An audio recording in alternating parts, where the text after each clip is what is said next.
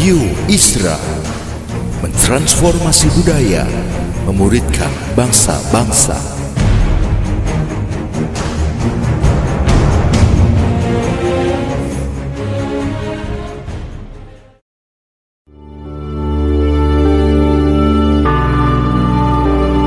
Apostolic Prophetic Messages mengungkapkan pesan dan arahan dari hati Tuhan bagi gerejanya demi menuntaskan mandat kerajaan Allah di Indonesia dan bangsa-bangsa. Selamat mendengarkan.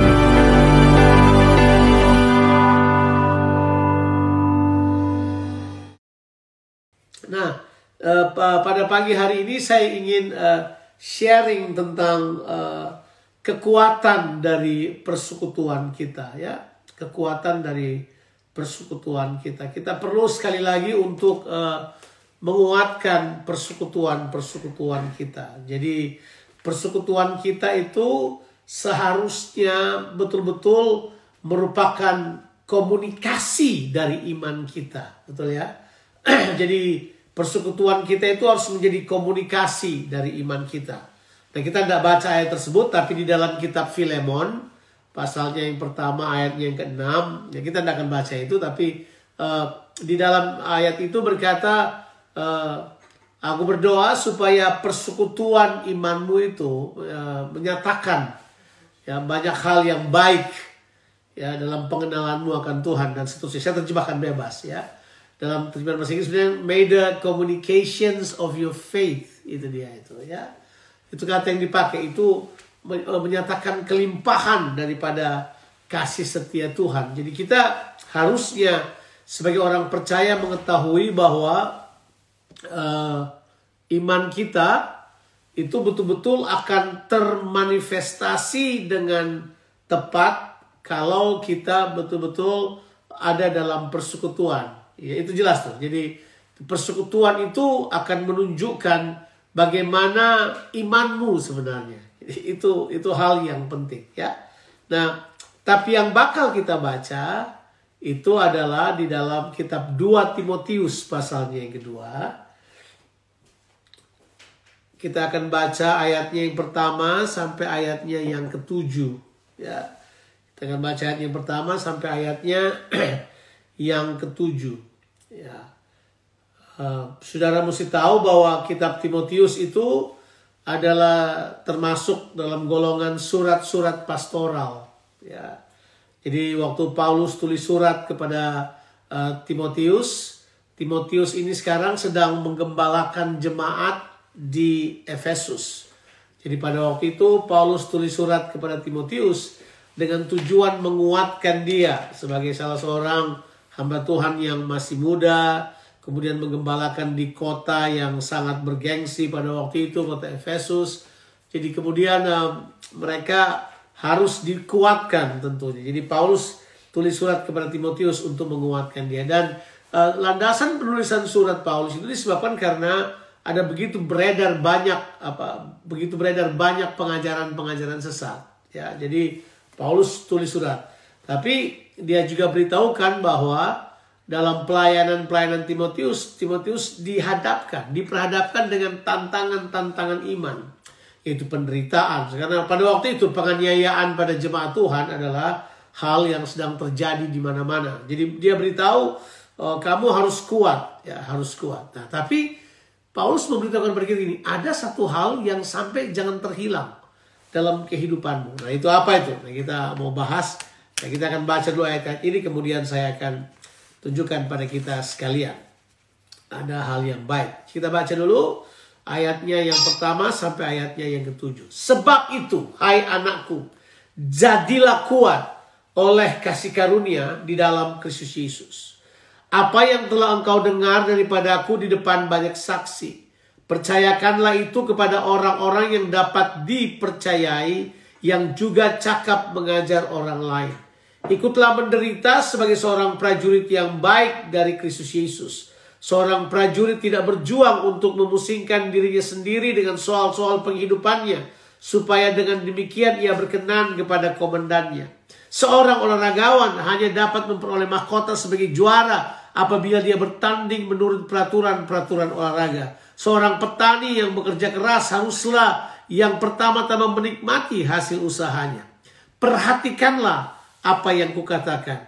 Tuhan akan memberi kepadamu pengertian dalam segala sesuatu. Wah, saya suka banget ayat-ayat ini.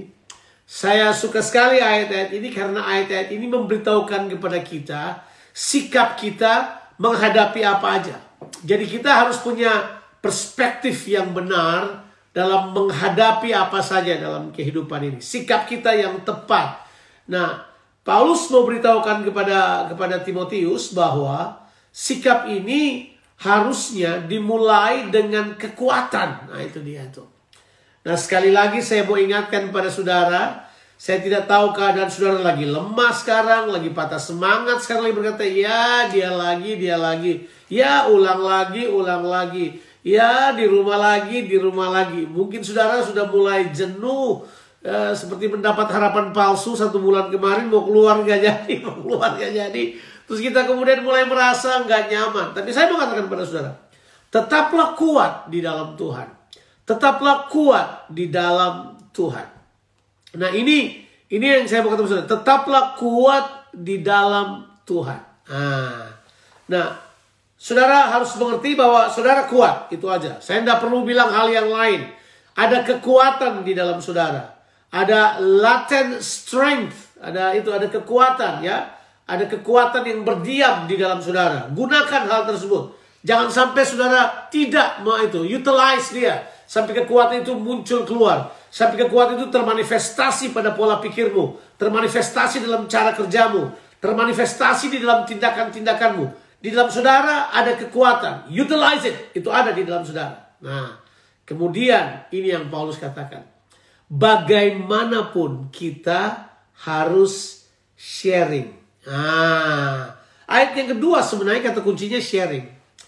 Tapi kata sharingnya ini lebih kepada orang-orang yang dekat dengan kita yang Tuhan percayakan kepada kita. Karena dibilang begini, apa yang kamu dengar daripada aku di depan banyak saksi, percayakanlah itu kepada orang-orang lain. Jadi saya menginginkan begini, bahwa persekutuan kita, komunitas kita adalah komunitas empowerment. Komunitas kita adalah empowering community. Kita adalah orang-orang yang saling memberdayakan satu sama lain. Kita adalah orang-orang yang saling itu tuh, saling membagi apa yang Tuhan berikan kepada kita. Stop dulu sebentar. Saya mau sudah berpikir loh. Apakah di dalam saudara, saudara sadar ada yang Tuhan percayakan kepadamu? Ada nggak ya? Saya ada nggak yang Tuhan percayakan pada saya? Jangan-jangan saya ini cuma cuman seorang yang gini-gini aja. Enggak. Setiap kita dipercayakan sesuatu. Saudara, saudara mungkin tidak percaya hal tersebut. Tapi Tuhan percaya pada saudara. Tuhan percaya pada saudara, makanya dia mempercayakan sesuatu pada saudara.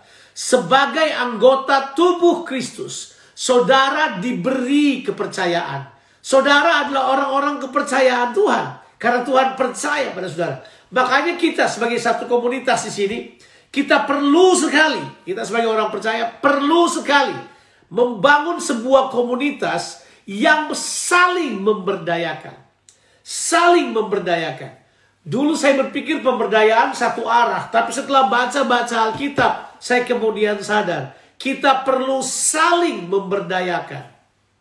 Sekalipun saya adalah oh, saudara sebut sebagai mungkin sebagai gembala kah, sebagai pemimpin saudara, tapi saya juga butuh pemberdayaan dari saudara. Kita perlu saling memberdayakan. Memberdayakan dalam hal-hal spiritual, dalam hal-hal apa saja, dalam hal kehidupan ini, dalam hal-hal hikmat yang saudara dapat dari Tuhan. Kita harus menjadi komunitas yang saling memberdayakan. Kita harus kerjakan hal tersebut saling memberdayakan. Nah, dalam ayat ini secara konteks khusus ada yang berkata bahwa ini adalah untuk kalau kita mau pemimpin, kita latih, kita kerjakan. Saya setuju. Tapi saudara mesti ingat konteksnya kita. DNA-nya garam itu adalah kita semua terlibat dalam pelayanan.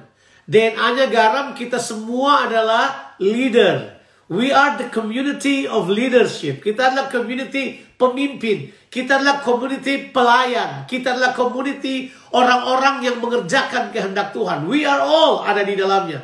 Artinya dalam spheres kita, dalam kehidupan kita sehari-hari, kita harus menjadi ini, kata saya pakai. Kita harus menjadi pemimpin-pemimpin yang memberi pengaruh. Kalau saya bilang pemimpin kan tidak ada hubungannya dengan jabatan atau posisi. Saya sedang berbicara tentang pengaruh dan fungsi kita untuk kemudian bisa menjangkau banyak orang, menyentuh kehidupan banyak orang. Kita adalah orang-orang yang memimpin, memimpin orang kepada Kristus, mengenali orang supaya mereka mencintai kebenaran, itu semua adalah pemimpin. Jadi kita mesti sadar, konteksnya kita, DNA-nya kita di Garam adalah kita ini adalah komunitas para pelayan Tuhan. Jadi kita tidak bisa bilang, oh cuma dia yang melayani, tidak. Kita semua terlibat dalam pelayanan. Makanya saya anggap ayat 2 ini cocok buat kita. Supaya kita kemudian, nah ini dia ini. Akan sampai kepada memberdayakan satu sama lain. Dan benar, kita kalau sungguh-sungguh ada di dalam Tuhan, kita akan menemukan diri kita bahwa kita dapat saling mengajar seorang akan yang lain. Oh ya, ya. Yuk, kita hidupkan hal ini. Tidak tahu kalau saudara memahami bahwa di garam kita berupaya keras untuk saudara sadar apa tidak untuk kemudian mengembangkan apa yang saya sebut the dynamics of community ya. Kita mengembangkan dinamika komunitas kita. Di mana di komunitas kita orang akan menemukan kuasa orang akan bergerak dengan kuasa Tuhan orang akan mengerjakan kehendak Tuhan. Itu menurut saya adalah hal yang sangat penting ya. Jadi makanya begini. Coba saudara pikirkan dulu Apakah saya harusnya menjadi titik kontribusi ataukah saya cuma menjadi titik penerima aja? Nah, harusnya kita di dalam komunitas ini kita adalah komunitas kontributor dan komunitas receiver. Jadi kita dua-duanya, kita menjadi kedua-duanya. Saya begitu, saudara begitu. Kita akan menjadi seperti jala. Komunitas kita seperti jala. Setiap titik tersambung dengan titik yang lain sebagai titik kontribusi ataupun titik menerima, penerimaan. Makanya komunitas kita perlu kuat. Nah tentu kalau saudara baca Alkitab, tentu kalau baca Alkitab ada DNA kan, ada DNA komunitas atau gereja di seluruh dunia. Yang yang kita kenal DNA-nya yang pertama adalah divine truth. Divine truth adalah harus kebenaran Kristus yang memerintah di dalamnya. Artinya divine truth itu berisi bahwa Yesus selalu hadir tiap kita ketemu. Itu jelas. Makanya kalau saudara masih ingat uh, setahun yang lalu kita berupaya mengajarkan istilah ini pada saudara. Koram Deo. Bahwa kita semua melayani di hadapan Tuhan. Nah, ini ini bukan Deo yang lain ya. Ini bukan uh, uh, uh, bukan Deo anaknya Tante Rita ini. Ini ini ini Deo Tuhan. Jadi Koram Deo itu artinya adalah di hadapan Tuhan. Bahwa kita semuanya melayani di hadapan Tuhan. Kita semuanya hidup di hadapan Tuhan. Itu kata kita kita pakai. Jadi DNA, DNA gereja itu adalah kita semua melakukannya di hadapan Tuhan. In the presence of the Lord. Jadi kehadiran Tuhan penting sekali. Jadi sementara kita buat ini, kehadiran Tuhan ada dengan kita. Untuk menyatakan kehendaknya buat kita. ya kan? Nah yang kedua adalah ada yang kita sebut dengan nurture fellowship. Ada hubungan kasih yang natural dan saling itu nurture. Nurture itu apa ya? Saling uh, saling merawat, saling me me melayani, saling menolong untuk bertumbuh. Dan saya harus katakan kepada saudara, ya, this year is going to be 12 years of garam. Dan saya lihat salah satu kekuatan kita adalah hubungan kasih, hubungan saling menguatkan. Ya, dari dari flaws here and there, tapi kita telah menjadikan itu sebagai sebagai nyawanya kita. Kita saling mengasihi, saling menguatkan, saling mendorong dalam pekerjaan baik. We we we try hard to do that. Kita mencoba untuk memanifestasikan hal tersebut. Dan yang ketiga yang ada di DNA kita adalah ini apostolic mission. Bahwa kita mau mengerjakan misi. Kita boleh kecil tapi kita tetap berupaya berdoa buat misi, bantu misi, tolong hamba Tuhan yang ada di garis depan. Kita berupaya untuk semua kerjakan hal-hal yang berhubungan dengan hal tersebut. Dan saya kira kalau komunitas kita ini terus berjalan, di mana kita kemudian mengalami apa yang saya sebut dengan kata ini nih, yang saya sebut itu the dynamics of our fellowship growth ya kita bertumbuh terus dalam dinamika fellowship kita. Saya beritahu pada saudara, ada banyak hal yang dapat kita kerjakan. Ada banyak hal yang dapat kita kerjakan tanpa kita sadari. Kita bisa menyentuh banyak orang di sekitar kita. Jadi, saudara coba perhatikan, waktu Paulus katakan ini kepada Timotius, dia mau bilang begini, percayakanlah orang-orang tersebut. Nah, saya bilang, saya mau percayakan kepada kita sekalian, kita semua menjadi komunitas yang saling percaya, komunitas yang saling memperlengkapi, komunitas yang saling itu tadi itu, saling memberdayakan, komunitas yang saling ini, saling-saling terus kita kembangkan, komunitas yang saling mengajar. Kemudian dia beritahu buat kita, kualitas-kualitas ini harus diikuti dengan apa? Dia kasih contoh kemudian ada tiga contoh yang Paulus katakan kepada Timotius.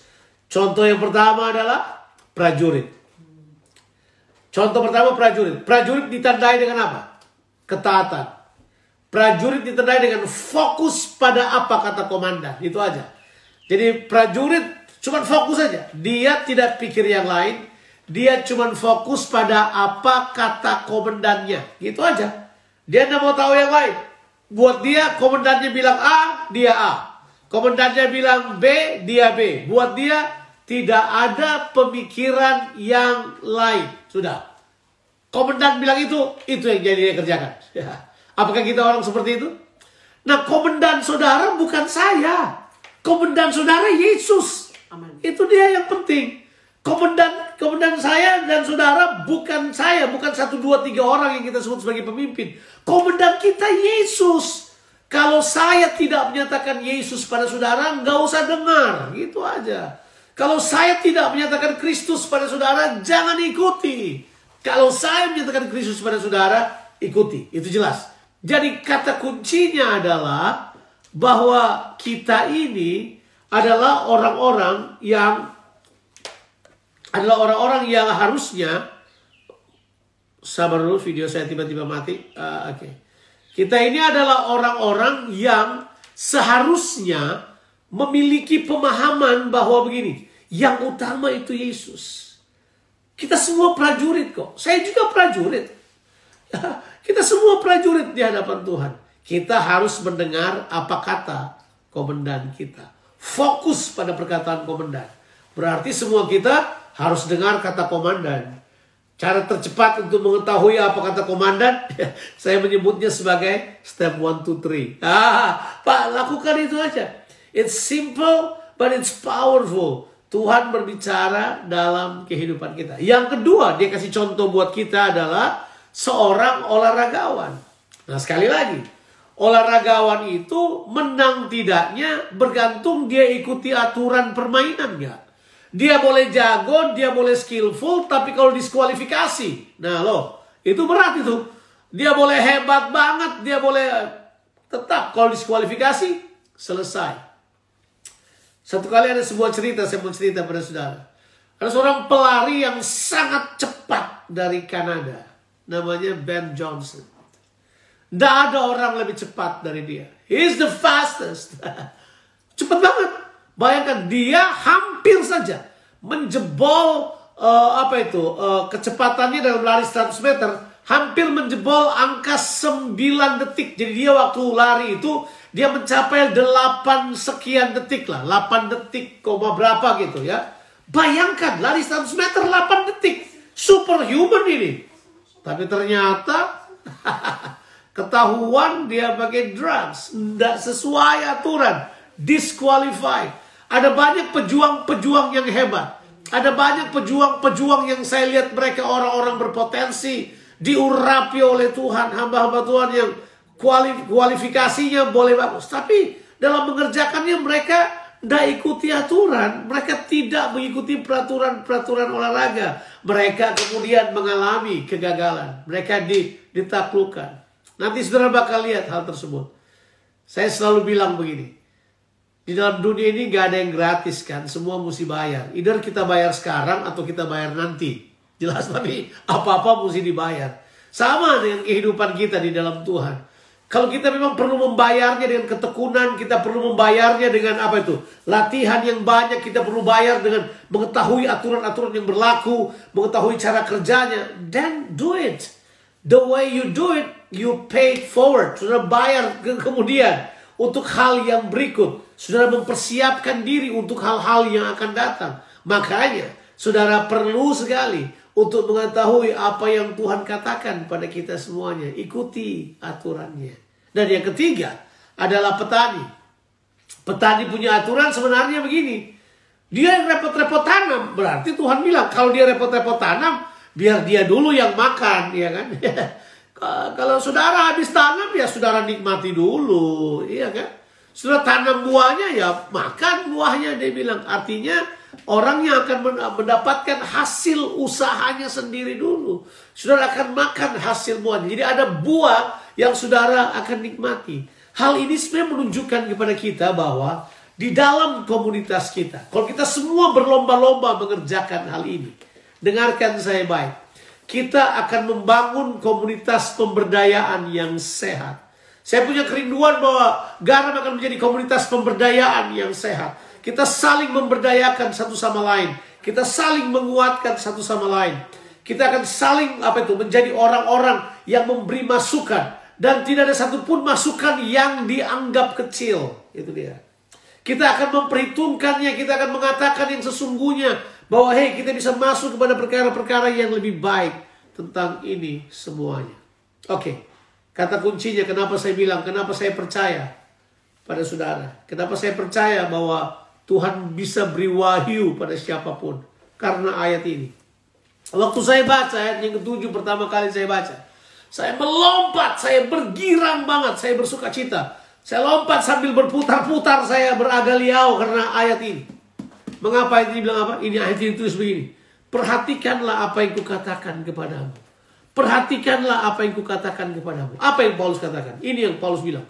Tuhan akan memberikan kepadamu pengertian dalam segala sesuatu.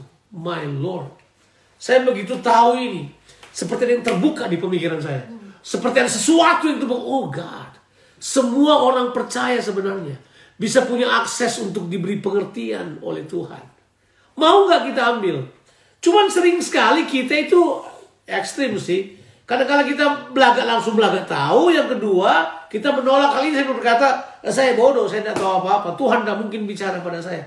Enggak, ayat ini jelas kok. Tuhan akan memberi kepadamu pengertian dalam segala sesuatu. Saya coba-coba baca-baca bahasa aslinya. Saya coba lihat, maksudnya pengertian dalam segala sesuatu ini apa? Paulus mau bilang buat kita begini. Apa pun yang kita hadapi, ada pengertian dari Tuhan turun ke atas saudara. Wow, saya kemudian paham. My goodness, kalau kita tangkap ini saja, beda cara kita mendekati fellowship kita, beda cara kita mendekati kehidupan ini, karena Tuhan akan memberi pengertian kepada kita dalam segala hal. Mau nggak kita berkata pada Tuhan terima kasih untuk hal ini? Kemudian kita ambil hal ini. Saya suka diskusi sama orang, karena saya selalu anggap pandangan mereka uh, counted. Saya mempertimbangkan, saya masukkan di dalam memori saya untuk saya ingat. Karena apa yang mereka katakan. Oh tentu kita perlu saring juga. Kita kan enggak, kita bukan orang bodoh. Kita saring juga. Tapi dengarkan ini. Tuhan dapat memberikan pengertian kepada kita semuanya. Wow. Saya mau kita semua menjadi orang-orang yang melakukannya. Mengapa demikian? Ah, karena sumber-sumber pemberdayaan itu terbuka buat kita. Apa itu sumber-sumber pemberdayaan? Firman Tuhan. Apalagi Roh Kudus. Apalagi fellowship kita itu sumber pemberdayaan. Setiap kali kita ketemu orang kita dapat saling memberdayakan satu sama lain. Saya berharap firman Tuhan yang singkat dan sederhana ini bisa membuka pengertian saudara untuk mengetahui bahwa saudara kuat di dalam Tuhan. Dan saudara dalam sebuah persekutuan di mana saudara tidak boleh biasa-biasa saja. Saudara harus menjadi titik kontribusi. Bukan cuma menjadi titik penerima. Kemudian kita lihat. Paulus memberikan tiga contoh yang sangat baik. Yang dia beritahukan pada kita. Yang pertama prajurit. Prajurit itu orang yang taat pada komandannya. Ya. Kalau saudara tanya pada saya. Bang Jo, kenapa suka bilang kata siap? Itu kata siap, kata prajurit itu. Siap! Saya siap. Saya siap mengerjakan apa komandan saya. Siap. Ya. Yang kedua adalah olahragawan. Kenapa olahragawan gimana? Dia harus ikuti aturan pertandingan. Not only skillful. Tapi mereka adalah orang yang ikuti aturan main. Orang yang mengetahui apa yang Tuhan kehendaki di dalam semua yang dia kerjakan. Kemudian yang ketiga adalah bahwa seorang petani dia akan makan buahnya. Artinya semua pekerjaan kita tidak akan sia-sia. Ada buah yang bakal dinikmati. Dan buat kita, semua buah yang patut menikmatinya adalah Tuhan.